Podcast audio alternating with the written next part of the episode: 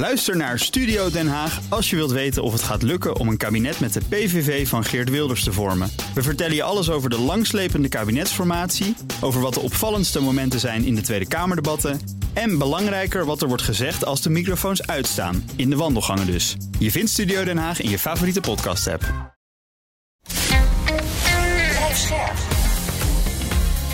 BNR Nieuwsradio.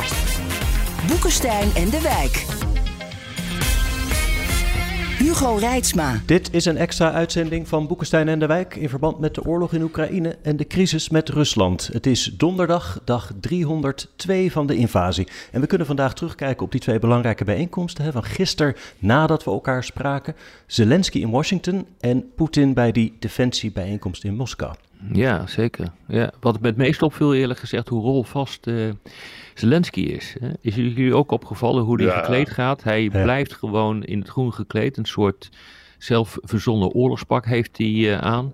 Het is geen militaire uh, tenue, maar ik, ik, en, en, zo staat hij ook in het congres, zo komt hij bij de president. Ik vind dat wel echt heel bijzonder hoor, dat je dat doet. En het is toch geloofwaardig ook. Anders denk je van, wat, is het, wat, wat, moet die vent met die rare broek en die trui aan? Maar het is volstrekt geloofwaardig. Dat, dat vind ik het fascinerende van die man. En hij kwam dus net terug van uh, Bakhmut. Hè. Daar had hij ook de, de Oekraïnse vlag van de soldaten gekregen. Die heeft hij dus gegeven aan, aan het congres. Ik vind het allemaal heel bijzonder. Het is wat ik echt zo goed wat ik, er, wat ik echt briljant aan vind, is... De, de, de, Grieken hebben ons veel geleerd over retoriek en welsprekendheid. Hè? En een van de dingen die ze ons geleerd hebben, is... je moet je eigen belang altijd verpakken in het algemeen belang. Wil je echt indruk maken. Hè? Nou, wat doet Zelensky? This is not about charity. Het is niet over liefdadigheid. Nee, dit gaat over de wereldwijde veiligheid en democratie. En hij heeft natuurlijk ook een punt. Het is ook zo. Hè? Als, als we Oekraïne laten vallen en Poetin komt daar mee weg, dan is dat een enorme uh, terugslag voor de, voor, de, voor de wereldorde die er is. En ook voor de democratie en de veiligheid. Ik, maar hij doet dat zo goed. En als je dan ook in het congres ziet, jongens, dat ook de Republikeinen, de meeste Republikeinen gewoon klappen.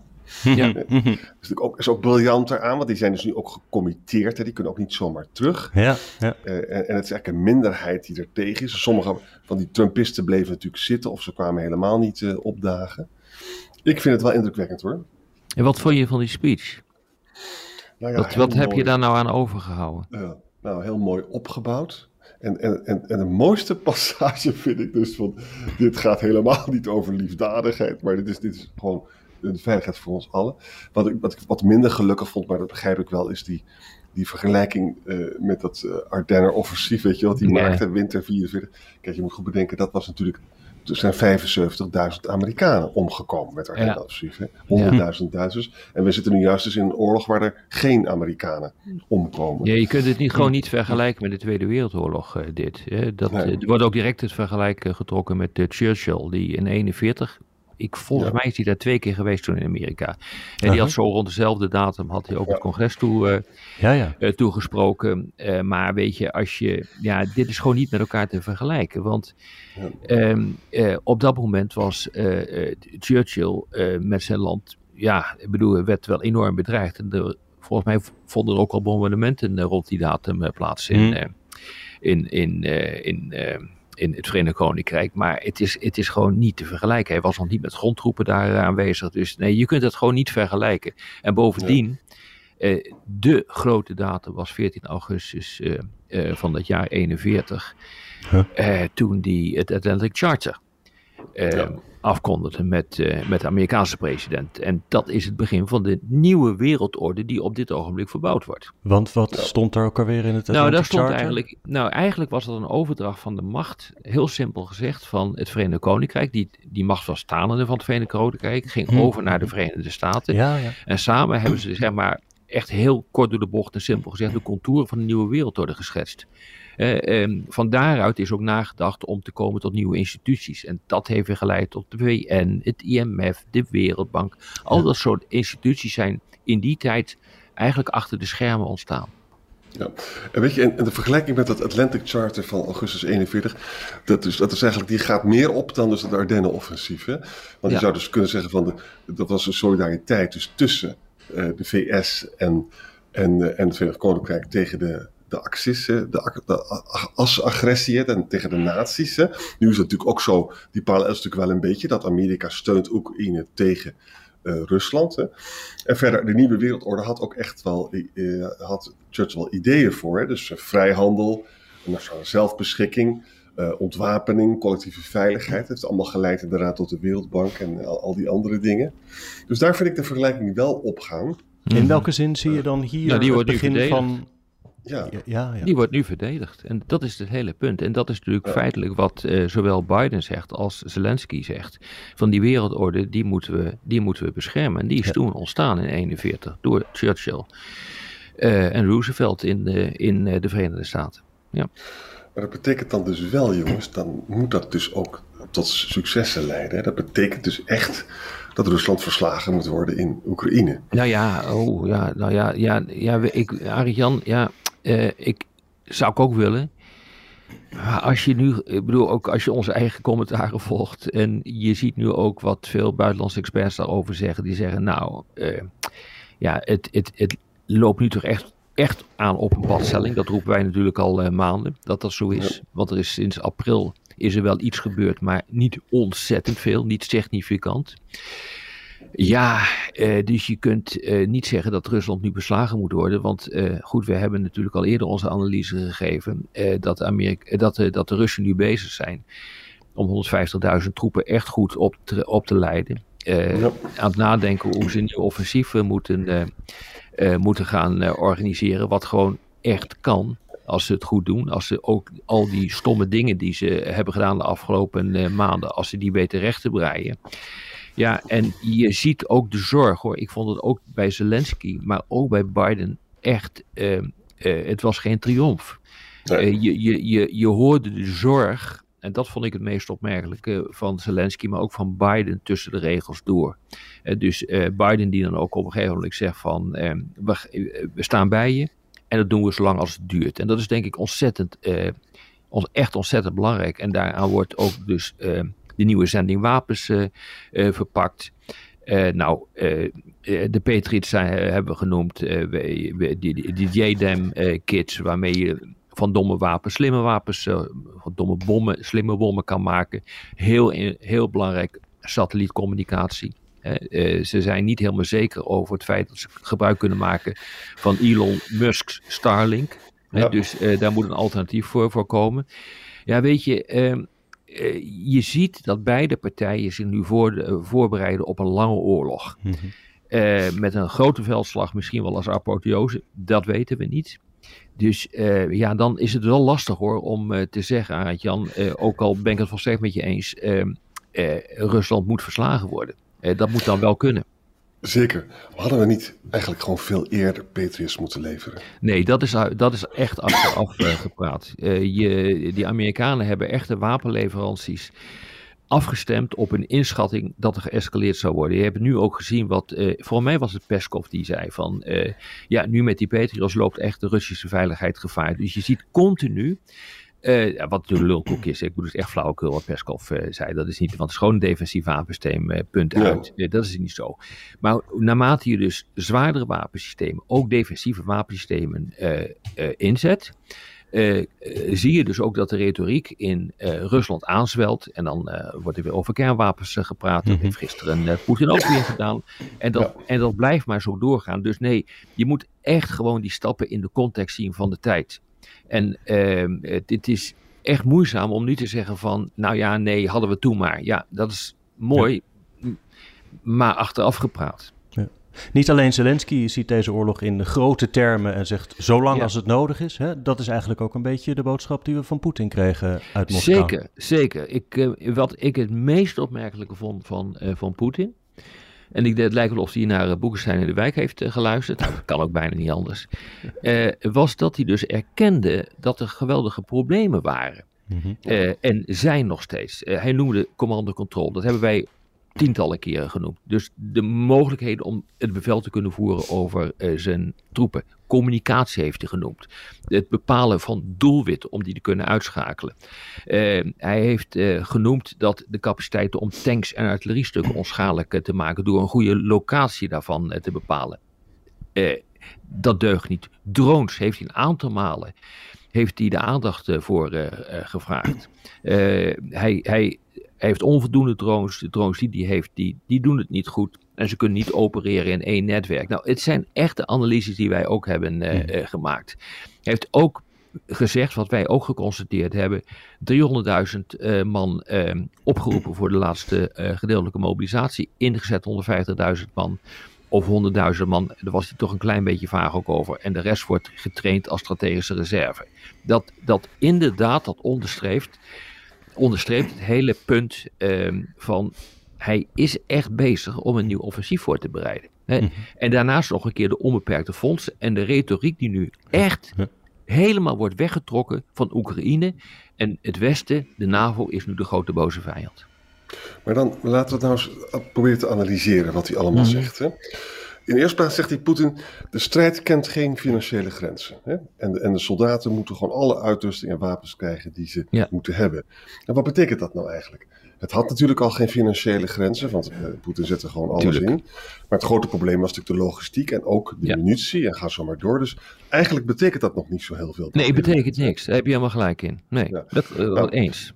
Nou, mobilisatie, hij zegt dus dan, ik heb dus die 150.000 man, dat is, dat is wel voldoende, zegt hij. Hè? En, die zijn, en die worden nu ook getraind.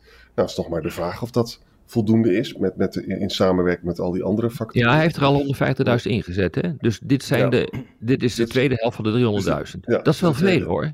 Het is veel, maar dus, dat betekent nog niet dat je daarmee wint. nee, als je dus, nee, als je dus al die andere problemen niet oplost, mhm. die hij zelf ook benoemd heeft en die ook duiden op de grote incompetentie en uh, het falen van de initiële aanval, dan zegt dat ook niks. Dat klopt. Exact. En dan het derde element. Eh, het is een intercontinentale ballistische raket, geheet Sarmat, oftewel Satan de Tweede. Prachtige naam. Nou, die is binnenkort klaar uh, om ingezet te worden en die is in staat ook om nucleaire aanvallen in Amerika te doen. Dat zegt hij dan zomaar. Hè? Ja. Wat, is de, wat is de betekenis daar nou van? Ik bedoel, hij, ja, hij nucleaire weet dat dreiging. Maar, dat, nucleaire maar dat is, dreiging. Maar dat is subside. Nee, nee, maar gaat dan. Ja, maar dat is afschrikking. Dit is, eh, dit is de retoriek die bij afschrikking hoort. Dus je zegt van, eigenlijk de boodschap is, Amerika escaleert niet te veel, want dan zou dit het gevolg kunnen zijn. En de Amerikanen weten dat. En daarom uh, escaleren de Amerikanen ook niet te veel. dus iedere keer is het aftasten van hoe ver, hoe ver kun je gaan. Dus kennelijk hebben nu de Amerikanen ingesteld dat je die, uh, dat je die Patriots kunt, uh, kunt gaan, gaan leveren. Nou, en dat, dat is gewoon ja, waar het om draait. Ja. En Shoko heeft zelf ook gesproken. Hè? Ja. En die, die wil het leger dus van 1 miljoen naar 1,5 miljoen opkrikken. Waarvan de, zeg maar de helft 700.000 vrijwillige contractanten zijn. Klopt. En een deel moet dan naar het westen van Rusland, omdat Finland en Zweden nu NAVO-gebied. Uh... Ja, en dat is wel echt interessant wat hij dus zegt. Hè. Het gaat dus nu echt om de NAVO. En uh, hij heeft gezegd van uh, we moeten eigenlijk uh, die militaire districten Moskou en Leningrad, hè, dat, ja, dat, heet, dat heet tegenwoordig geen Leningrad meer, maar dat is natuurlijk nu Sint-Petersburg, die moeten weer in heer herstellen. En er moet een nieuw legerkorps daarvoor komen en 17 uh, manoeuvredivisies. Dat zijn dus divisies, grote eenheden, laten we zeggen van pakweg 10.000 soldaten die dus kunnen worden ingezet voor de verdediging tegen de NAVO of voor de aanval tegen de NAVO. Nou, dat duurt natuurlijk ook een hele tijd voordat het een keer uh, uh, klaar is. En uh, de hele industriële capaciteit is er volgens mij ook niet voor in Rusland om dit te doen.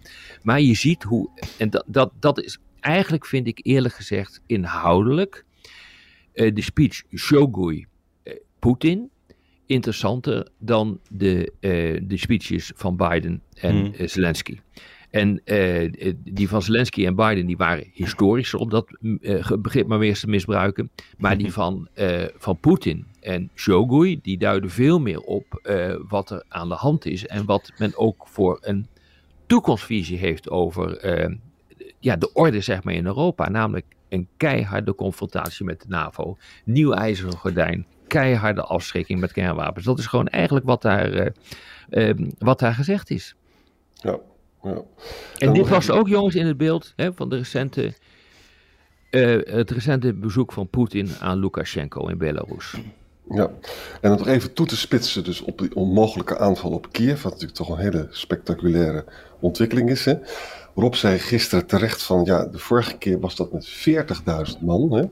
Het is dus theoretisch denkbaar dat Poetin zou besluiten om een groot deel van die 150.000 die beter getraind zijn, vanuit Wit-Rusland in te zetten. Dat zou dus kunnen. Ja, hè? zeker. Nou, gesteld dat hij zijn munitieprobleem op een of andere manier weet op te lossen. En gesteld dat hij dus ook zijn logistiek beter op orde zou hebben. Dat ze dus zelflerend zijn. Ja. Dan is dit heel angstaanjagend. Dat klopt. Nou ja, nu is de vraag of dat munitieprobleem dat ze zouden hebben, of dat echt zo nijpend is als iedereen zegt. Dus Amerikanen, de inlichtingendiensten van Amerika, die zeggen nou, uh, eerste maanden van uh, volgend jaar is hij er doorheen. Maar we weten ook uh, dat deceptie, hoe noemen we dat, misleiding, de kern is van het Russische denken. Dus het kan best zijn dat ze nog enorme voorraden hebben, maar dat ze nu bewust uh, laten we zeggen, uh, munitie inzetten die uh, helemaal ja, die, die verouderd is. Hè. Er wordt gezegd 40 jaar oude munitie die het ook niet meer zo goed doet. die wordt ingezet, daarmee nemen ze ook een risico, ook voor de mensen die munitie moeten worden gebruikt. Maar het kan best zijn dat dat onderdeel is van een misleidingscampagne. Dat weten we natuurlijk niet. Mm. Ik las ook ergens, een luisteraar stuurde me een stuk volgens mij uit The Economist over de verschillende cijfers die er zijn. En daar kwam daarop neer dat de Amerikanen die tellen alleen munitie mee die nog niet over de uiterste datum heen is. En Klopt, de, ja. de Balten bijvoorbeeld, die tellen weer anders. Die tellen nou ja, alles dat het misschien nog doet, tellen ze ook mee. En ja, dan, dan kan je misschien wel weer een jaar vooruit. Ja, dat Dus klopt. Dat is, is precies waar het een beetje om draait. onduidelijk. Ja. Ja, en nee, Oekraïne, loopt ook te, Oekraïne loopt ook te knallen met jaren 80 uh, munitie. Ja, zeker. Eh, ja. eh, en- en En, ik, en, eh, en, de grote vraag is natuurlijk, is, is eh, Oekraïne in staat om zelf munitie bij te fabriceren? Ze maken gewoon 155 mini- eh, Ja. eh, munitie voor artilleriestukken. Maar doen ze dat nou echt? Ik heb dan, tot nu toe heb ik daar geen bevestiging van gekregen van hoeveel dat dan is per jaar. of en per maand wat ze kunnen, kunnen fabriceren. Hm. Ja. Wie dat weet, moet dat maar even zeggen eh, onder onze luisteraars. En, en, en dan nog even nog een vraag, jongens. Eh, er gaat dus maar één Patriot-batterij van de Amerikanen daar naartoe.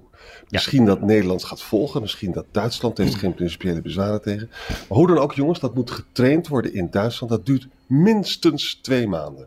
Ben je het Mhm. mee eens?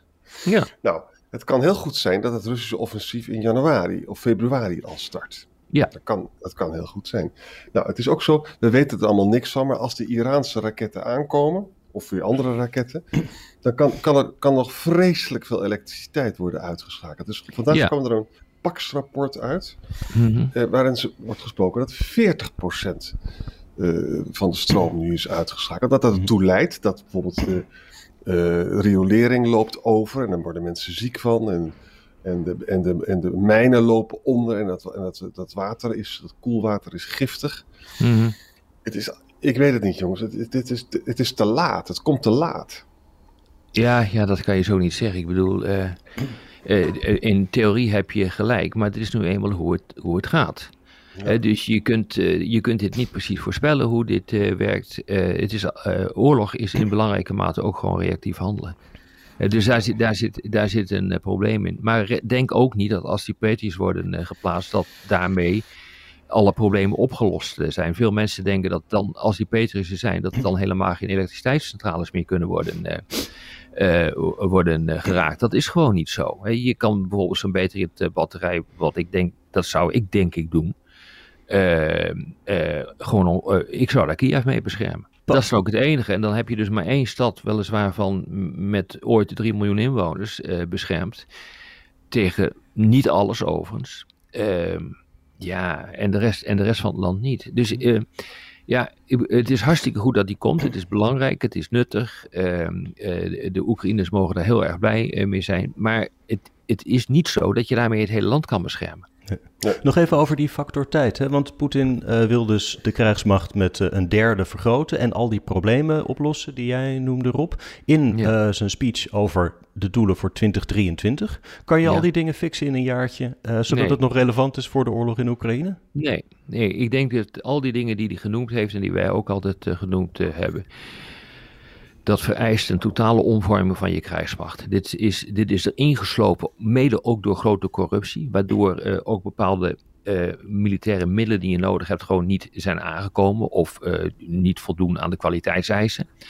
Eh, eh, je, je hebt bijvoorbeeld goede onderofficieren nodig om die kleine eenheden, om kleine eenheden te, ja. te, te commanderen. die mensen die zijn er niet. Die, die leid je ook niet zomaar op. je moet, wat Poetin zelf heeft gezegd, je moet die drones moet je inzetten in één netwerk. In één commandonetwerk en communicatienetwerk. Hmm. Dat moet weer aangesloten worden op uh, je, uh, je anti-tank en je anti-artillerie uh, spullen die je hebt. Ja, jongens, dat vereist enorme training. Dat vereist mogelijkerwijs nieuwe investeringen. Ja, ik zie niet in hoe je dat binnen de nu en een paar maanden helemaal kan omvormen. Dat is een kwestie van jaren. Dat moet echt gewoon goed gedaan worden. Daar heb je hele professionele soldaten voor nodig. ja, en dat zootje wat er nu wordt ingezet is niet zo. Dus eh, en, en dit, dit, verklaart ook waarom er wordt voor wordt gekozen om dus met enorme aantallen mhm. eh, te, eh, te, te, werken. Dus hier is kwantiteit die, die zorgt ervoor dat je gebrek aan kwaliteit feitelijk wordt, ja, feitelijk, feitelijk wordt opgeheven. Het is een beetje de Sovjet-traditie. Het is, ja, dit is wat je doet als je niet om mensenlevens geeft ehm, en toch wil winnen. Dus we hebben aan de ene kant hebben we dus de draagkracht van de Oekraïnse bevolking en van de Oekraïnse soldaten. Tegenover is Poetin in staat om iets, uh, iets te hervormen, iets te verbeteren. Bij die, bij die, via, via die training van die 150.000 man. Ja, ongetwijfeld is dat zo. Ja, dat, dat, kan, dat kan wel. Dat, dat kan wel. Maar je kunt niet, uh, volgens mij, alle punten die hij heeft genoemd, uh, oplossen. Dat, dat, dat, nou, ik zie dat niet gebeuren. Maar je kunt natuurlijk wel veel beter getrainde militairen inzetten. Dat, dat, dat kan natuurlijk wel. Dus je kunt gewoon heel moeilijk uh, inschatten hoe dat gaat werken. Ja. Ja, dus beide partijen zitten met enorme beperkingen in het aantal mensen en middelen en moeten het daarmee proberen uit te zingen. Ja, en uh, kijk, het, het, is, eigenlijk is het relatief uh, simpel. Oekraïners zijn beter getraind. Ze hebben betere spullen.